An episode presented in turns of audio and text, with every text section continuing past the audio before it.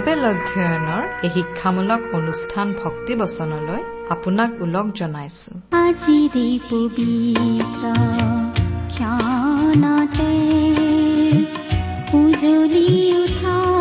আমাৰে সৈতে আজিৰ এই অনুষ্ঠান শুনিবলৈ বহাৰ বাবে আপোনালৈ অশেষ ধন্যবাদ। আপোনাৰ দৰে শ্ৰোতাই আমাক সদায় প্ৰেৰণা যোগায়। এই অনুষ্ঠানটিৰ যোগেৰে আমি আপোনাক লগ পাই থাকিলে আমি বৰ উৎসাহ পাওঁ আমি মানুহ সঁচাকৈ ইজনে আনজনৰ সম্পৰ্কত থাকি বৰ ভাল পোৱা প্ৰাণী। ঈশ্বৰো আমাৰ লগত থাকি বৰ ভাল পায়। সেয়েহে যীশুখ্ৰীষ্টৰ ৰূপেৰে আহি আমাৰ লগত অৰ্থাৎ মানুহৰ লগত বসতি কৰিলে। তেওঁৰ আন এটা নাম ইমানুৱেল অৰ্থাৎ আমাৰ লগত ঈশ্বৰ মানুহৰ লগত ঈশ্বৰ। মানুহ যেন সদায় ঈশ্বৰৰ লগত আৰু ঈশ্বৰ যেন সদায় মানুহৰ লগত থাকিব পাৰে তাৰ বাবে যি বলিদানৰ কাৰ্যৰ প্ৰয়োজন আছিল তাকেই সিদ্ধ কৰিবলৈ প্ৰভু যীশু এই পৃথিৱীলৈ আহিছিল। ঈশ্বৰে মানুহৰ লগত থাকিব বিচাৰে। ভাবিলেই ভাল লাগে নহয়নে? এই সময়ত ঈশ্বৰ আপোনাৰ মোৰ লগত আছে। আপুনি যাতে কেতিয়াও অকলশৰীয়া অনুভৱ নকৰে ঈশ্বৰ আপোনাৰ লগত। ইয়াতকৈ ভাল সংগ পৃথিৱীত কি হ'ব পাৰে? এই লগৰীয়া ঈশ্বৰৰ বিষয়ে অধিককৈ জানিবলৈ আহক। আজিৰ ভক্তিবচন অনুষ্ঠান শুনো। আমাৰ পৰম পবিত্ৰ প্ৰভু যীশুখ্ৰীষ্টৰ নামত নমস্কাৰ প্ৰিয় শ্ৰোতা। আশা কৰো মহান পিতা পৰমেশ্বৰৰ মহান অনুগ্ৰহত আপুনি ভালে কুশলে আছে। লগতে এই বুলিও আশা কৰিছো যে আপুনি আমাৰ এই ভক্তিবচন অনুষ্ঠানটো নিয়মিতভাৱে শুনি আছে। প্ৰিয় শ্ৰোতা এই অনুষ্ঠান শুনি আপুনি কেনে পাইছে আমালৈ চিঠি লিখি জনাবচোন? আপোনালোকৰ পৰা চিঠি পত্ৰ পাবলৈ আমি আগ্ৰহেৰে বাট চাওঁ। আমাৰ যোগাযোগৰ ঠিকনাটো হয়তো আপোনাৰ। আহকচোন আজিৰ বাইবেল অধ্যয়ন আৰম্ভ কৰাৰ আগতে খন্তেক প্ৰাৰ্থনাত মূৰ দুৱাওঁ। স্বৰ্গত থকা অসীম দয়ালু পিতৃ ঈশ্বৰ তোমাৰ মহান নামৰ ধন্যবাদ কৰো। তুমি মহান তুমি কৰুণাময় তুমি অনুগ্ৰহৰ আকৰ। তোমাৰ অনুগ্ৰহতেই আজি আমি প্ৰভু যীশুত বিশ্বাস কৰি পৰিত্ৰাণ পাব পৰা হৈছো তোমাক পিতৃ বুলি মাতিব পৰা হৈছো। তুমি আমালৈ যিমান অনুগ্ৰহ দেখুৱাইছা তাৰ বাবে তোমাক ধন্যবাদ দি আমি শেষ কৰিব নোৱাৰো। এতিয়া প্ৰাৰ্থনা কৰিছো তোমাৰ মহান বাক্য বাইবেল শাস্ত্ৰৰ যোগেৰে তুমি আমাক কথা কোৱা। তোমাৰ মাত আমাক শুনিবলৈ দিয়া। কিয়নো এই প্ৰাৰ্থনা আমাৰ মহান ত্ৰাণকৰ্তা প্ৰভু যীশুখ্ৰীষ্টৰ নামত আগবঢ়াইছো। আহমেন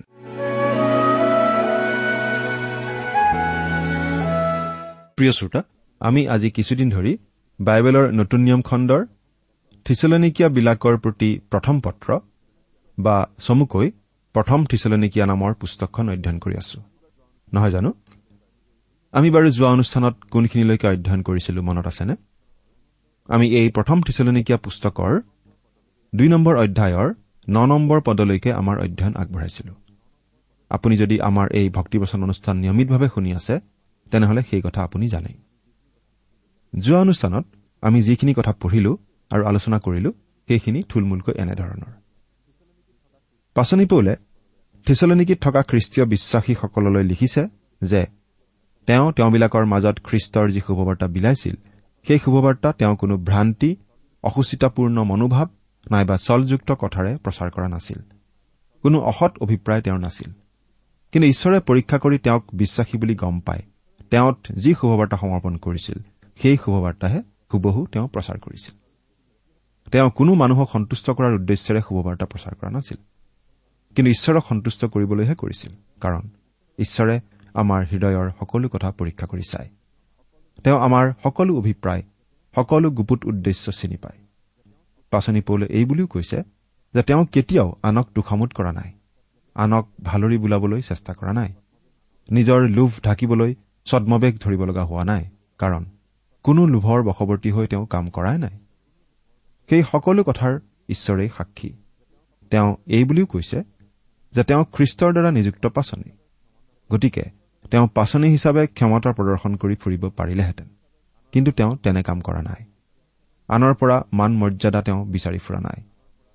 তেওঁ মাকে কেঁচুৱাক অতি মৰমেৰে গাখীৰ খুৱাই লালন পালন কৰাৰ নিচিনাকৈহে তেওঁলোকৰ মাজত খ্ৰীষ্টৰ বাৰ্তা বিলাইছিল। ঈশ্বৰৰ বাক্য শুনাইছিল। তেওঁ টিচলনিকীৰ খ্ৰীষ্টীয় বিশ্বাসীসকলক অতিশয় স্নেহ কৰিছিল আৰু প্ৰয়োজন হলে তেওঁলোকৰ বাবে নিজৰ প্ৰাণ পৰ্যন্ত দিবলৈ সাজু আছিল। তেওঁ কোনো কথাতেই তেওঁলোকৰ বাবে বুজাস্বৰূপ হোৱা নাছিল কিন্তু নিজে দিনে নিশাই পৰিশ্ৰম কৰি কাম কৰি গৈছিল। ঈশ্বৰৰ শুভবাৰ্তা বিতৰণ কৰি গৈছিল অতি নিষ্ঠাৰে নিস্বাৰ্থভাৱে। আজি আমি দহ নম্বৰ পদৰ পৰা আমাৰ অধ্যয়ন আৰম্ভ কৰিম। আপুনি বাৰু আপোনাৰ বাইবেলখন মেলি লৈছেনে? প্ৰথম থিচলনিকীয়া পুস্তকখন উলিয়াই লৈ দুই নম্বৰ অধ্যায়টো মেলি লৈছেনে বাৰু? এতিয়া দহ নম্বৰ পদটো পঢ়ি দিব খুজিছো। ইয়াত এনেদৰে লিখা আছে আৰু বিশ্বাস কৰা যি তোমালোক তোমালোকৰ মাজত কেনে পবিত্ৰ ধাৰ্মিক আৰু নিৰ্দোষ আচৰণকাৰী আছিলো তাৰ সাক্ষী তোমালোক আৰু ঈশ্বৰো। আৰু বিশ্বাস কৰা যি তোমালোক। পাচনি পৌলে এই কথাবোৰ লিখিছিল থিচলনিকিত থকা খ্ৰীষ্টৰ শুভবাৰ্তা গ্ৰহণ কৰি খ্ৰীষ্টক ত্ৰাণকৰ্তা বুলি গ্ৰহণ কৰা অৰ্থাৎ বিশ্বাসী লোকসকললৈ। খ্ৰীষ্টক বিশ্বাস কৰি পৰিত্ৰাণ লাভ কৰা লোকসকললৈ লিখা বাবেই কথাবোৰ যিকোনো খ্ৰীষ্টীয় বিশ্বাসীৰ বাবেই প্ৰযোজ্য। যীশুখ্ৰীষ্ট একেজনাই। তেওঁ কালি আজি সদাকাললৈকে একেই আছে। তেওঁৰ যি শুভবাৰ্তা সেই শুভবাৰ্তা আজিৰ পৰা দুহেজাৰ বছৰ আগতে যি আছিল আজিও একেই। সলনি হোৱা নাই। সেইদৰে বিভিন্ন যুগৰ বিভিন্ন ঠাইৰ বিভিন্ন ভাষা বিভিন্ন সংস্কৃতিৰ লোক হলেও পৰিত্ৰাণ লাভ কৰাৰ উপায় আৰু পদ্ধতি একেই হৈ আছে খ্ৰীষ্টক বিশ্বাস কৰা। খ্ৰীষ্টক বিশ্বাস কৰাৰ লগে লগে সেই কালৰ মানুহৰ জীৱনত যি পৰিৱৰ্তন ঘটিছিল আজিও ঘটে। থিচলনিকিৰ লোকসকলে পাচনি পৌলে ঘোষণা কৰা শুভবাৰ্তা বিশ্বাস কৰিছিল আৰু খ্ৰীষ্টকেই তেওঁলোকৰ জীৱনৰ ত্ৰাণকৰ্তা বুলি গ্ৰহণ কৰিছিল। তেওঁলোকক পাচনি পৌলে অতিপাত স্নেহ কৰিছিল। মাকে নিজৰ পিয়াহ খোৱা কেঁচুৱাক লালন পালন কৰাৰ নিচিনাকৈ তেওঁ তেওঁলোকক আম্মিক আহাৰ খুৱাই লালন পালন কৰিছিল। তেওঁ তেওঁলোকৰ মাজত কম দিনৰ কাৰণে আছিল। কিন্তু সেই কম সময়ৰ ভিতৰতে তেওঁ তেওঁলোকৰ ইমান ঘনিষ্ঠ হৈ পৰিছিল যে তেওঁৰ বিষয়ে সকলো কথা তেওঁলোকে জানিছিল। পাচনি পৌলৰ জীৱনৰ কোনো কথা গুপুত হৈ থকা নাছিল। পাচনি পৌলৰ দৈনন্দিন জীৱনৰ সকলো কথা তেওঁলোকে দেখি আছিল। তোমালোকৰ মাজত কেনে পবিত্ৰ ধাৰ্মিক আৰু নিৰ্দোষ আচৰণকাৰী আছিল। পাচনি পৌলে তেওঁলোকৰ মাজত পবিত্ৰভাৱে জীৱন কটাইছিল। পবিত্ৰভাৱে জীৱন যাপন কৰা মানে তেওঁ ঈশ্বৰৰ প্ৰতি নিজৰ দায়িত্ব নিষ্ঠাৰে সৈতে পালন কৰিছিল। পবিত্ৰ বুলি ক'লে আমি সচৰাচৰ যি বুজো বাইবেলত অলপ বেলেগ অৰ্থ প্ৰকাশ কৰা হয়। পবিত্ৰ মানে আচলতে বেলেগ আছুতীয়া। কোনো এটা কামৰ বাবে আছুতীয়াকৈ ৰখা বস্তু এটাক পবিত্ৰ বস্তু বুলি ক'ব পাৰি বাইবেলৰ ভাষাত। ঈশ্বৰে প্ৰতিজন খ্ৰীষ্টীয় বিশ্বাসী লোককেই আচলতে জগতৰ পৰা পৃথক কৰি বাছি লৈছে নিজৰ কামৰ কাৰণে। গতিকে জগতৰ সোঁতত নিজকে মিলাই নিদি ঈশ্বৰে যি উদ্দেশ্যেৰে আমাক বাছি লৈছে সেই উদ্দেশ্য আমাৰ জীৱনত সফল কৰি তেওঁৰ আজ্ঞা পালন কৰি জীৱন কটোৱা মানেই পবিত্ৰ জীৱন কটোৱা। ধাৰ্মিক বা ঈশ্বৰৰ দৃষ্টিত নিৰ্দোষ ন্যায়বান। ধাৰ্মিক বুলি ক'লে আমি সাধাৰণতে খুব ধৰ্মকৰ্মত ব্যস্ত থকা লোকক বুজো। কিন্তু বাইবেলত সেইটো অৰ্থ কৰা নাই। ধাৰ্মিক মানে বাইবেলত নিৰ্দোষী বুলিহে বুজোৱা হৈছে।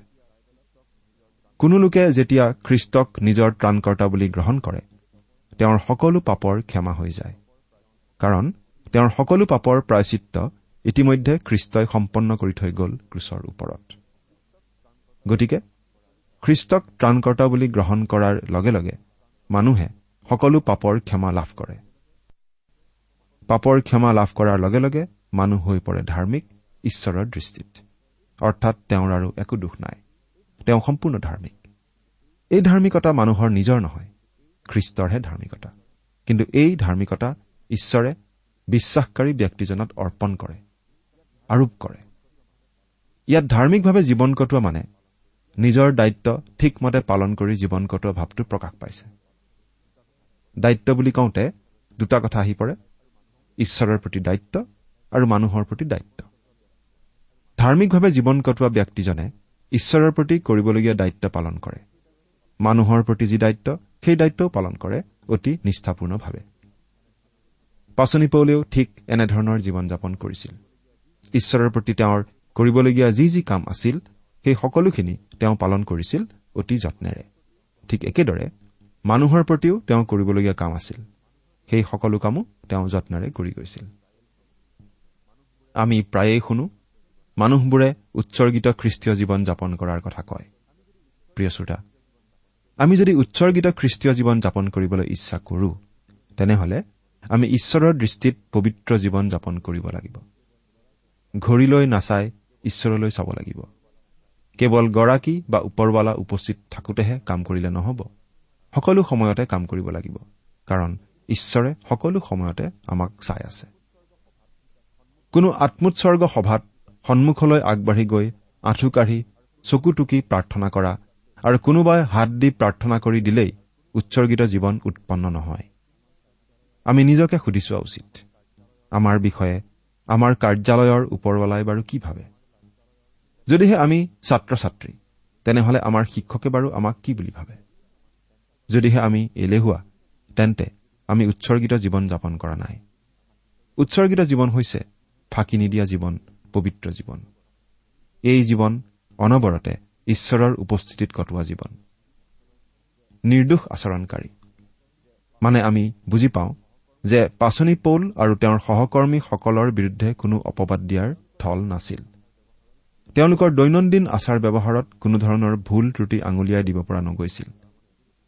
অৱশ্যে তাৰ মানে এইটো নহয় যে শত্ৰুবোৰে তেওঁলোকৰ বিৰুদ্ধে কোনো অভিযোগ অনা নাছিল নিশ্চয় আনিছিল। শত্ৰুবোৰে তেওঁলোকক অপযশ দিবলৈ নিশ্চয় চেষ্টা কৰিছিল। তেওঁলোকৰ বিৰুদ্ধে অভিযোগ আনিবলৈ নিশ্চয় চেষ্টা কৰিছিল। কিন্তু সেইবোৰ অতি টুলুঙা আছিল। সেইবোৰৰ সত্যতা প্ৰতিস্থাপন কৰিব পৰা নাছিল তেওঁৰ শত্ৰুবোৰে। প্ৰিয় শ্ৰোতা মানুহে আমাৰ বিৰুদ্ধে নানান বেয়া কথা ক'ব পাৰে। কিন্তু আমি সদায় এটা কথাত সাৱধান হৈ থাকিব লাগে যাতে সেই কথাবোৰ নৰজে।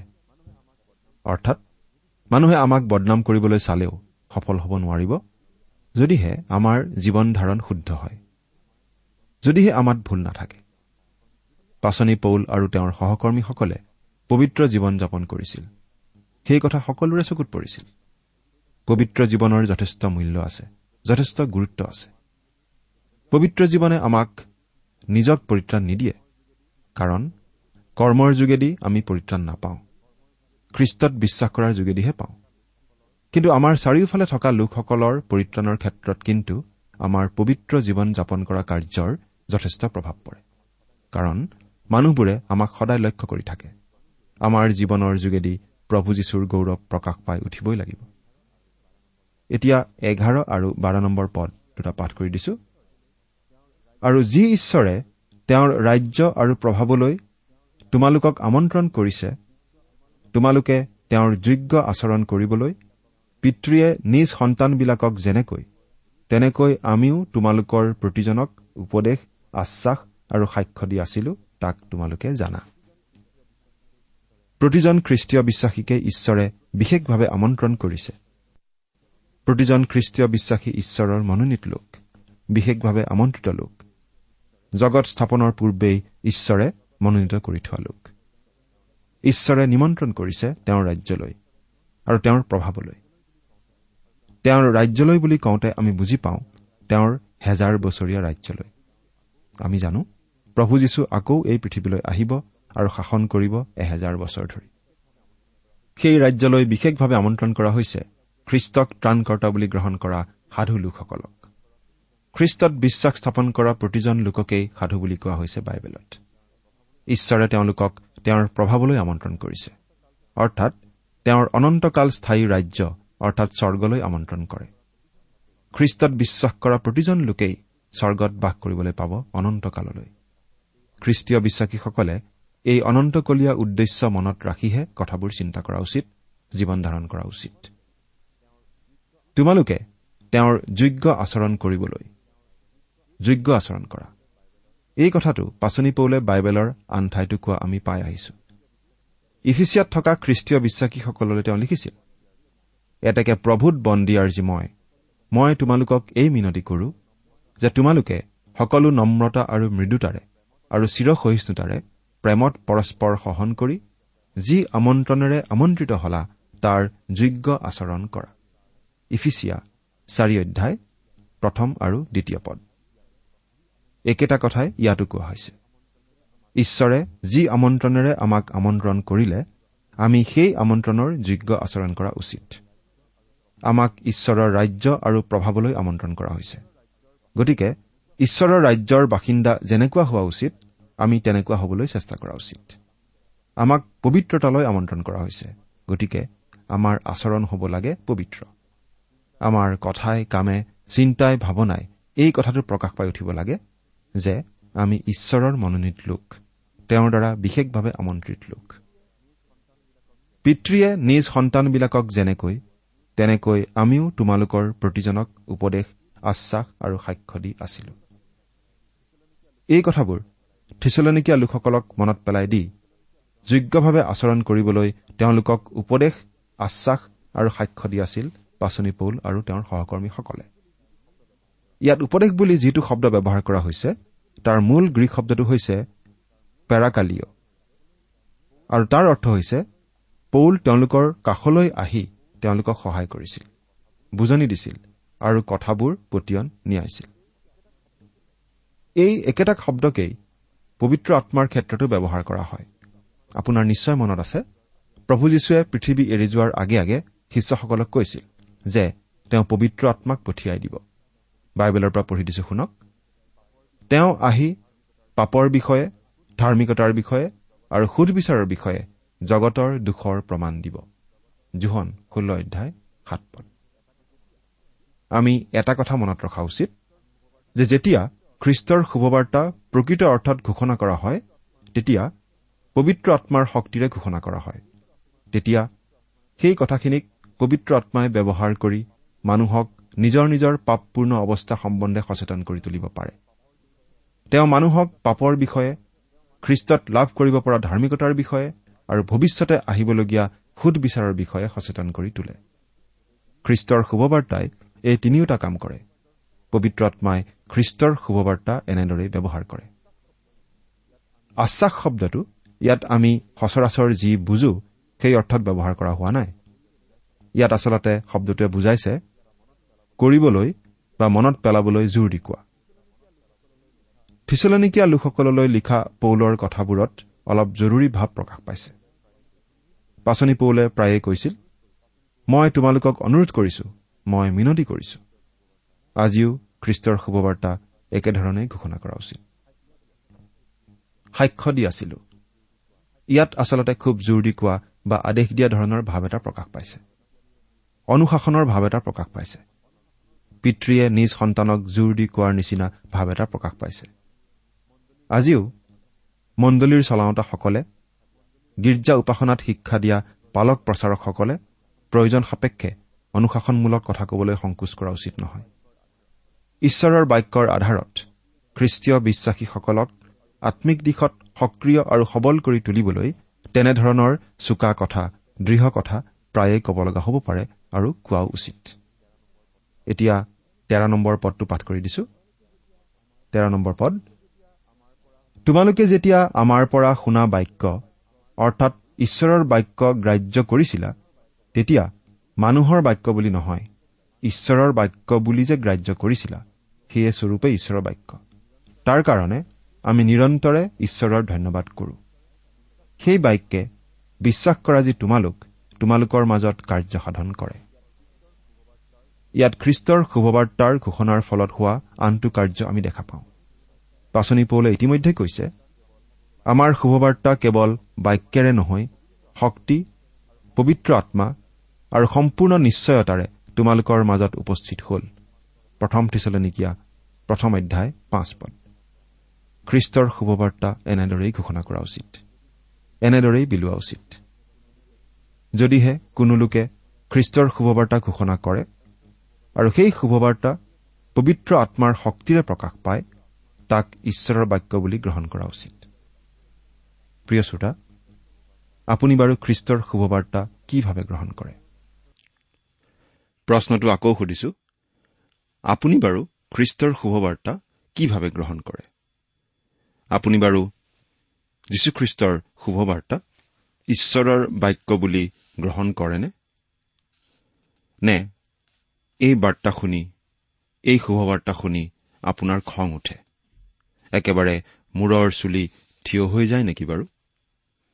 কেতিয়াবা কোনো কোনো ঠাইত খ্ৰীষ্টৰ এই শুভবাৰ্তা ঘোষণা কৰাৰ পাছত সেই শুভবাৰ্তা শুনা লোকসকলৰ মাজৰ পৰা কোনো মানুহ আহি শুভবাৰ্তা বিলোৱাজনক প্ৰশ্ন কৰে। আপুনি নিশ্চয় মোৰ কথা মনত ৰাখিয়েই সেই কথাবোৰ কৈছিল। কাৰণ আপুনি বাৰে বাৰে মোৰ দুৰ্বলতাৰ কথাবোৰহে আঙুলিয়াই দি কথা কৈছিল। আপুনি আচলতে মোক উদ্দেশ্য কৰিয়েই কথা কৈছিল বা মোৰ কথা মনত ৰাখিয়েই কথাবোৰ কৈছিল। আচলতে কথাবোৰ কিছুমান ক্ষেত্ৰত আমাৰ নিজৰ নিজৰ জীৱনৰ লগত মিলি যায়। প্ৰিয় শ্ৰোতা আচলতে কিন্তু প্ৰভু যীশুখ্ৰীষ্টৰ শুভবাৰ্তা এনেকুৱাই। কাৰণ প্ৰভু যীশুখ্ৰীষ্টৰ শুভবাৰ্তা কোনো মানুহে বনাই কোৱা শুভবাৰ্তা নহয়। এয়া হৈছে ঈশ্বৰৰ জীৱন্ত বাক্য। পৃথিৱীৰ সকলো ঠাইৰ সকলো সময়ৰ সকলো ধৰণৰ মানুহৰ কাৰণেই প্ৰযোজ্য এই বাক্য। ই সাৰ্বজনীন। সকলো ঠাইৰ সকলো সংস্কৃতিৰ সকলো পৰিৱেশ পৰিস্থিতিৰ লগত খাপ খোৱা এই ঈশ্বৰৰ বাক্য। আৰু সেইবাবে কথাবোৰ কোনোবাই কলে আমাৰ কথা মনত ৰাখিয়েই কথাবোৰ কোৱাৰ নিচিনা লাগে। এনেকুৱা অভিজ্ঞতা আপোনাৰ বাৰু হৈছেনে? কেতিয়াবা আপোনাক চিনি নোপোৱা আপোনাক নজনা কোনোবা শিক্ষকে যেতিয়া কথা কয় কোনোবা প্ৰচাৰকে যেতিয়া কথা কয় আপোনাৰ বাৰু এনেকুৱা নালাগেনে? যেন আপোনাৰ জীৱনৰ কিবা দুৰ্বলতাৰ কথা তেওঁ জানে বা আপোনাৰ বিষয়ে তেওঁ জানে আৰু কথাবোৰ যেন আপোনাক উদ্দেশ্য কৰিয়েই কৈ আছে? যেতিয়া আমি কোনো লোকে ঈশ্বৰৰ বাক্য ঘোষণা কৰি থকা শুনো। আমি সেইবোৰ ঈশ্বৰৰ বাক্য বুলিয়েই গ্ৰহণ কৰা উচিত। সেইবোৰ ঈশ্বৰৰ বাক্য বুলিয়েই লোৱা উচিত। সেই মানুহজনৰ ব্যক্তিগত কথা বুলি আমি ভবা উচিত নহয়। সেই মানুহজনে নিজৰ চিন্তা শক্তিৰে নিজৰ বিদ্যা বুদ্ধিৰে নিজৰ জ্ঞানেৰে সেইবোৰ কথা কৈ থকা বুলি আমি ভবা উচিত নহয়। ঈশ্বৰৰ বাক্য ঈশ্বৰৰ বাক্য হিচাপেই ঘোষিত হোৱা উচিত। ইয়াক ঈশ্বৰৰ বাক্য হিচাপে সন্মান দিয়া উচিত। আৰু যদিহে আপুনি ঈশ্বৰৰ বাক্যক ঈশ্বৰৰ বাক্য হিচাপে গ্ৰহণ কৰে তেনেহলে এই বাক্যই আপোনাৰ জীৱনত বিশেষভাৱে কাৰ্য কৰিব আৰু আপোনাৰ জীৱনলৈ আশীৰ্বাদ কঢ়িয়াই আনিব। আৰু যদিহে আপুনি ঈশ্বৰৰ বাক্যক এই হিচাপে নলয় ঈশ্বৰৰ বাক্যক এই সন্মান নিদিয়ে তেনেহলে আপুনি গীৰ্জাঘৰত এনেই সময় নষ্ট কৰি থাকি লাভ নাই। প্ৰিয় শ্ৰোতা আমি দেখি আহিছো পাচনি পৌলে কেনেদৰে অতি সাহসেৰে খ্ৰীষ্টৰ শুভবাৰ্তা ঘোষণা কৰি আহিছিল। পাচনি পৌলে কালৈকো ভয় কৰা নাছিল। কোনোবাই বেয়া পাব বুলি তেওঁ চিন্তা কৰা নাছিল। কিন্তু ঈশ্বৰৰ বাক্য নিভাজকৈ অলপো ইফাল সিফাল নকৰাকৈ স্পষ্টভাৱে তেওঁ ঘোষণা কৰিছিল। ঈশ্বৰৰ বাক্য তেনেকুৱা ৰূপতেই তেওঁ প্ৰচাৰ কৰিছিল। আৰু সেইকাৰণে বহুতো লোকে তেওঁক বেয়াও পাইছিল। কাৰণ ঈশ্বৰৰ বাক্য হৈছে নিমখৰ নিচিনা। কোনো ব্যক্তিৰ জীৱনত যদি পাপৰ কেঁচা ঘাঁহ থাকে তেন্তে তাত ঈশ্বৰৰ বাক্যৰূপী নিমখ পৰিলেতো ধৰিবই জ্বলা কৰিবই নহয়নে বাৰু? ঈশ্বৰৰ বাক্য পোহৰো। পাপৰ অন্ধকাৰত বুৰ গৈ থকা এই জগতৰ লোকসকলক প্ৰকৃত মুক্তিৰ প্ৰকৃত পথ দেখুৱাব পাৰে কেৱল ঈশ্বৰৰ বাক্যইহে। পাচনি পৌলে যি বাক্য বিলাইছিল সেই বাক্য থিচলনিকিত থকা সেই লোকসকলে ঈশ্বৰৰ বাক্য বুলিয়েই গ্ৰহণ কৰিছিল। আৰু সেই বাক্য বিশ্বাস কৰি যীশুখ্ৰীষ্টক ত্ৰাণকৰ্তা বুলি তেওঁলোকে গ্ৰহণ কৰিছিল। সেই বাক্যই তেওঁলোকৰ মাজত কাৰ্যসাধন কৰিছিল। প্ৰিয় শ্ৰোতা কোনো লোকৰ যদি বেমাৰ হয় আৰু তেওঁক যদি কোনো ডাক্তৰৰ পৰা ঔষধ আনি দিয়া হয় তেতিয়া সেই বেমাৰীজনে সেই ঔষধ ডাক্তৰে দিয়া ঔষধ বুলি বিশ্বাস কৰি সেই ঔষধ খাব লাগিব। তেতিয়াহে সেই ঔষধে তেওঁৰ শৰীৰত কাৰ্য কৰি তেওঁৰ বেমাৰ ভাল কৰিব পাৰিব। সেই ঔষধ নোখোৱালৈকে সেই ঔষধৰ পৰা একো লাভ নাই। প্ৰিয় শ্ৰোতা আপুনি হয়তো বহুদিন ধৰি ঈশ্বৰৰ বাক্য শুনি আহিছে। এই অনুষ্ঠানৰ যোগেদিও আপুনি ঈশ্বৰৰ বাক্য শুনি আছে শুনি আহিছে। কিন্তু সেই বাক্য আপুনি ঈশ্বৰৰ বাক্য বুলি গ্ৰহণ কৰিছেনে? সেই বাক্যক আপুনি প্ৰাপ্য সন্মান দিছেনে? সেই বাক্যক আপুনি আপোনাৰ জীৱনত কাৰ্য কৰিবলৈ দিছেনে? সেই বাক্য মানি আপুনি প্ৰভু যীশুক আপোনাৰ জীৱনৰ ত্ৰাণকৰ্তা বুলি গ্ৰহণ কৰিছেনে? চিন্তা কৰি চাওকচোন। ঈশ্বৰে আপোনাক আশীৰ্বাদ কৰক।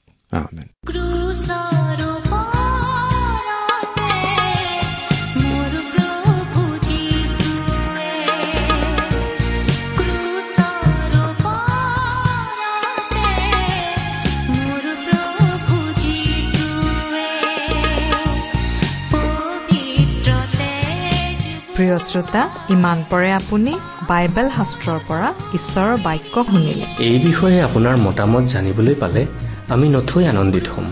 আমি প্ৰস্তুত কৰা বাইবেল অধ্যয়নৰ চিডিসমূহ পাব বিচাৰিলে আৰু অনুষ্ঠানত প্ৰচাৰ কৰা কোনো কথা বুজিব লগা থাকিলেও আমালৈ লিখক। আমাৰ যোগাযোগৰ ঠিকনা ভক্তিবচন ট্ৰান্সৱৰ্ল্ড ৰেডিঅ' ইণ্ডিয়া ডাক বাকচ নম্বৰ সাত শূন্য গুৱাহাটী সাত আঠ এক শূন্য শূন্য এক। ঠিকনাটো আকৌ এবাৰ কৈছো ভক্তিবচন ট্ৰান্সৱৰ্ল্ড ৰেডিঅ' ইণ্ডিয়া ডাক বাকচ নম্বৰ সাত শূন্য গুৱাহাটী সাত আঠ এক শূন্য শূন্য এক।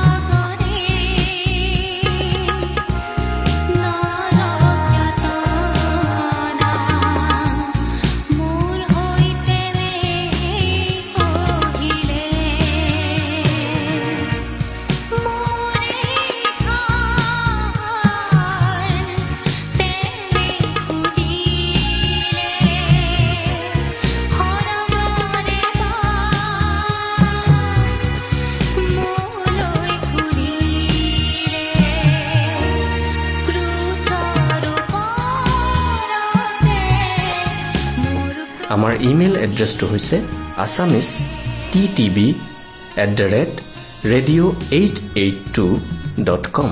আমাৰ website W W W dot T W R dot in. আপুনি টেলিফোনৰ মাধ্যমেৰেও আমাক যোগাযোগ কৰিব পাৰে। আমাৰ টেলিফোন নম্বৰটো হৈছে nine eight five four zero' four zero' eight eight nine. Phone নম্বৰটো আকৌ এবাৰ কৈছো ন আঠ পাঁচ চাৰি শূন্য চাৰি শূন্য আঠ। আঠ ন। আপুনি এই ভক্তিবচন অনুষ্ঠানটি আমাৰ website W W W dot radio' eight eight two dot কমতো শুনিব পাৰিব। আজিৰ অনুষ্ঠানটি ইমানতেই সামৰিছো। ঈশ্বৰৰ শান্তি আৰু অনুগ্ৰহ আপোনাৰ লগত থাকক। ধন্যবাদ।